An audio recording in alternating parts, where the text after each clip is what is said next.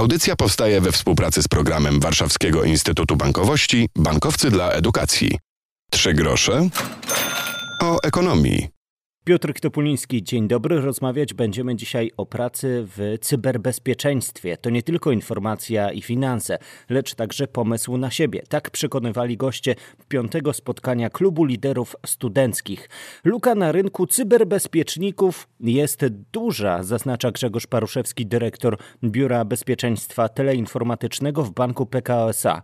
Jak wygląda system cyberbezpieczeństwa w bankach? Co można robić w bankowym cybersecurity? O tym w dzisiejszej audycji. To zacznijmy od początku. Jak wygląda taki system, przez który hakerom trudno się przebić, ale jednak próbują to robić codziennie po wiele razy w każdym banku, również w tym, w którym wy jesteście. W tym momencie może dochodzić do ataku hakerskiego, przeciwko któremu staje armia cyberbezpieczników. Z reguły dzielimy go na trzy podstawowe obszary. Pierwszą linię, czyli taką pierwszą linię, na którym co do zasady jest Security Operation Center, które zajmuje się monitorowaniem systemów bezpieczeństwa, analizowaniem tego, co się dzieje, czyli weryfikowaniem logów, które do nas docierają, e, monitorowaniem stanu bezpieczeństwa systemów, monitorowanie, czy aktualnie wszystko jest e, zintegrowane, poprawnie poprawki są wgrane e, w systemach i reagowania na różnego rodzaju incydenty.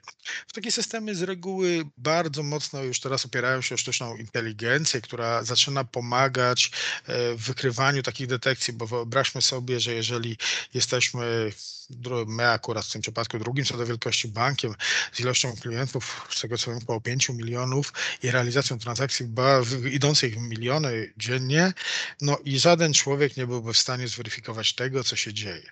Do tego trzeba pamiętać, że za tym całą bankowością elektroniczną stoi masa serwerów, infrastruktury, która jest odpowiedzialna za to, żeby te transakcje poprawnie szły i najważniejszym ich priorytetem jest działać sprawnie i szybko. Bezpieczeństwo niestety jest takim trochę hamulcowym całych procesów y, w, te, w tym obszarze, więc generujemy zawsze swoje wymagania i dokładamy swoje 5 zł, jakby chociaż to właśnie, że musimy z systemami bezpieczeństwa rozmawiać.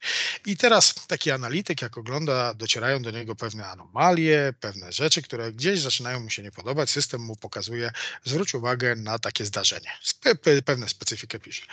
Taki analityk w ramach tej obsługi tych incydentów albo klasyfikuje go, że jest to jednak incydent, albo klasyfikuje że jednak nie jest to incydent, czyli tak zwany false positive i puszcza go y, albo puszcza, z reguły go igno, znaczy, no ignoruje, oznacza jako nie ma tematu lub ewentualnie, jeżeli temat wymaga dodatkowych wyjaśnień, wyjaśnia i jeżeli zaczyna się robić problem, przesyła go na drugą linię, jeżeli to przekracza jego kompetencje.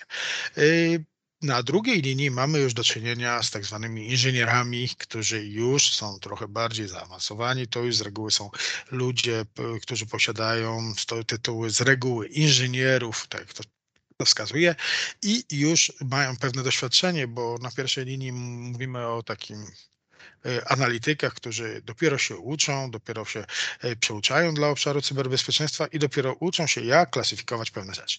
Inżynierowie już mają doświadczenie, znają już strukturę, wiedzą, jak się te, te, takimi incydentami obsługiwać, bo już trzeba przy takim incydencie sięgnąć do logów z konkretnych systemów, żeby obejrzeć, jak przechodził ruch na firewallach, jak była informacja, e, czy to było realizowane standardowa ścieżka, czy to może jest jakiś kawałek wirusa się pojawił i oni analizują takie zagadnienie. Jeżeli z ich strony przy, tutaj nie ma większych problemów i na przykład oni stwierdzają, że jednak nie, jest to naturalne zachowanie, to jakby temat też zamykają, a jeżeli nie, no to zaczynają po swojemu już prowadzić cały taki proces investigation, czyli czasami trzeba sięgnąć do producenta sprzętu, rozwiązań, ten i ewentualnie wydają ze sobą rekomendacje, jeżeli stwierdzają, że to jest incydent bezpieczeństwa, to teraz y, y, przygotowują całą politykę, jak mamy to w przyszłości obsługiwać, co z tym robić i po prostu jak dostroić nasze systemy bezpieczeństwa, żeby lepiej wykrywały takie rzeczy. Y, I jeżeli, bo może dojść do takiej sytuacji, że takie zdarzenie będzie przekraczało nawet ich umiejętności, to mamy już trzecią linię. I trzecia linia to są już najmądrzejsi ludzie, jacy są w banku. Są dwie ścieżki pracy w bankowym e, cyberbezpieczeństwie. Mówił o tym Grzegorz Paruszewski z banku PKO SA. Pierwsza, zaczynamy od pierwszej linii soku, gdzie trafiamy jako analitycy, uczymy się. Uczymy się słownika pojęć, uczymy się pewnych zagadnień, procedur i nabieramy tego doświadczenia. Przede wszystkim uczymy się systemów bezpieczeństwa. Systemy bezpieczeństwa są bardzo specyficzne. Niestety mało kogo stać, żeby prywatnie w domu postawić sobie rozwiązania enterprise'owe, takie, które realizują i potrafią monitorować do 5, 6, nawet 10 tysięcy serwerów naraz i monitorować jego stany bezpieczeństwa. Więc takie zdarzenie, takich y, narzędzi, takiej praktyki można nabyć tylko w jednym miejscu, czyli siadając w tak zwanym soku i tam się uczyć pewnych rzeczy. Z tego soku najczęściej wyrasta się y, poprzez doświadczenia, poprzez różnego rodzaju kursy. Jednym z takich najciekawszych kursów, które warto zrobić, to jest certyfikat etyka hacker, to jest cech, jest on dość kosztowny, jest go na rynku dość dużo, ale tam się takie łapie pewne podstawy, jak realizować takie testy bezpieczeństwa, jak podchodzić do pewnych zagadnień, jak w ogóle myśleć jako bezpieczeństwo i jako y, ten bezpiecznik podchodzić do zagadnień. E, przechodząc przez drugą linię, nabywając doświadczeń, y, umiejętności w tym zakresie, samoistnie po paru latach stajemy się tym takim ekspertem, który będzie dużo lepszym na trzeciej linii, gdzie te, te doświadczenie nasze będzie bardzo dużym bonusem i doświadczeniem. Powiedziałem też, że istnieje możliwość drugiej ścieżki. Druga ścieżka to jest na ogół ludzie wywodzący się z IT.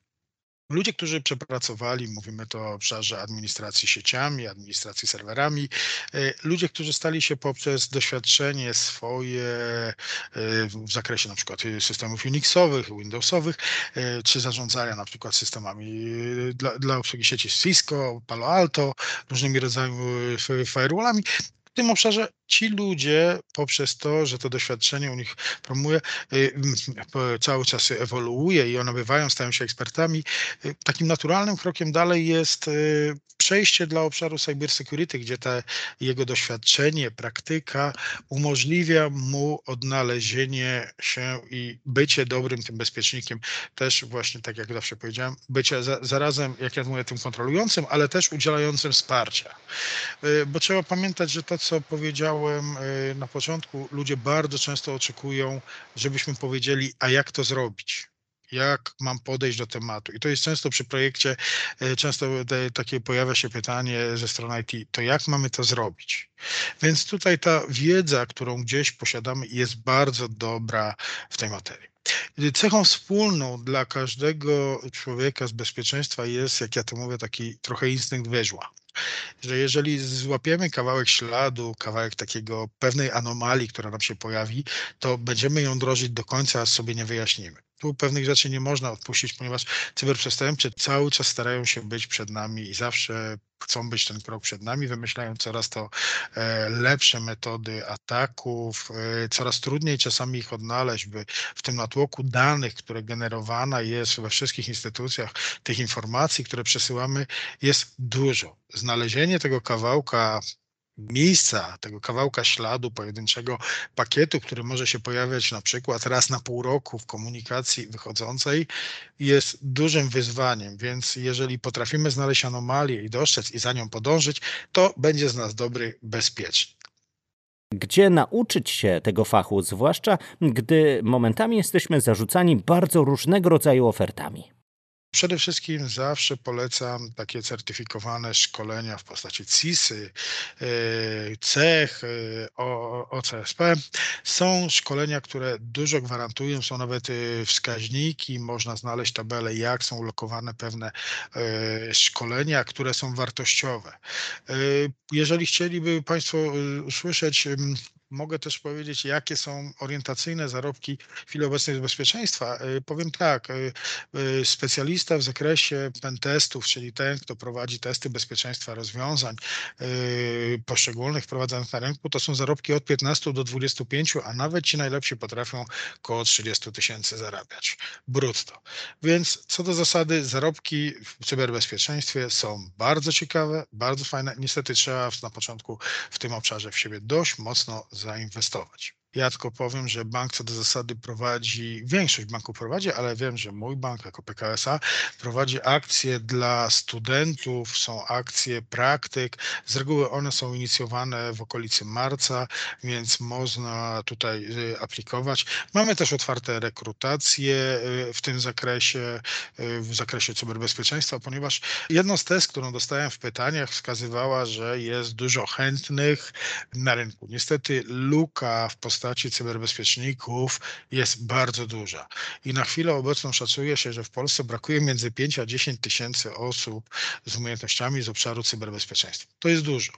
Y, patrząc na ilość uczelni, które mamy stricte w tym obszarze kształcących, one się otwierają. Niestety czas, który będzie nam potrzebny, żeby to uzupełnić, to jest parę lat patrząc też na rozwój obszaru IT, myślę, że możemy nigdy nie dogonić i nigdy nie zapełnić tej luki do końca.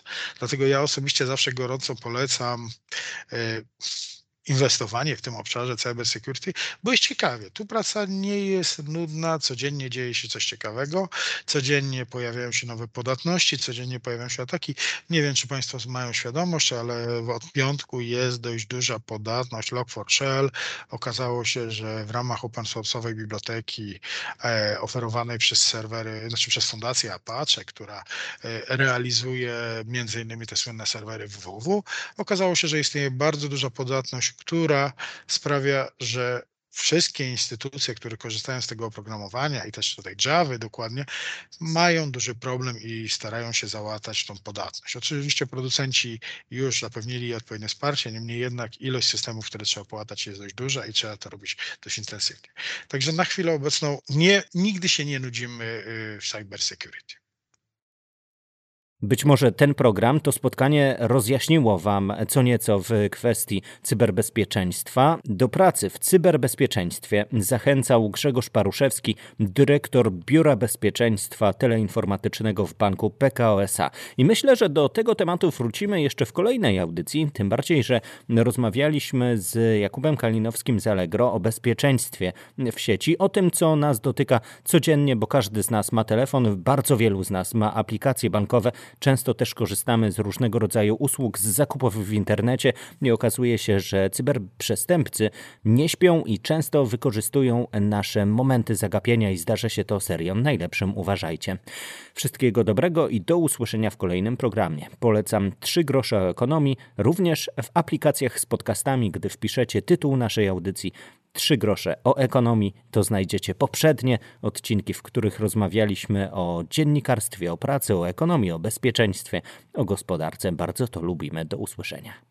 Audycja powstaje we współpracy z programem Warszawskiego Instytutu Bankowości Bankowcy dla Edukacji.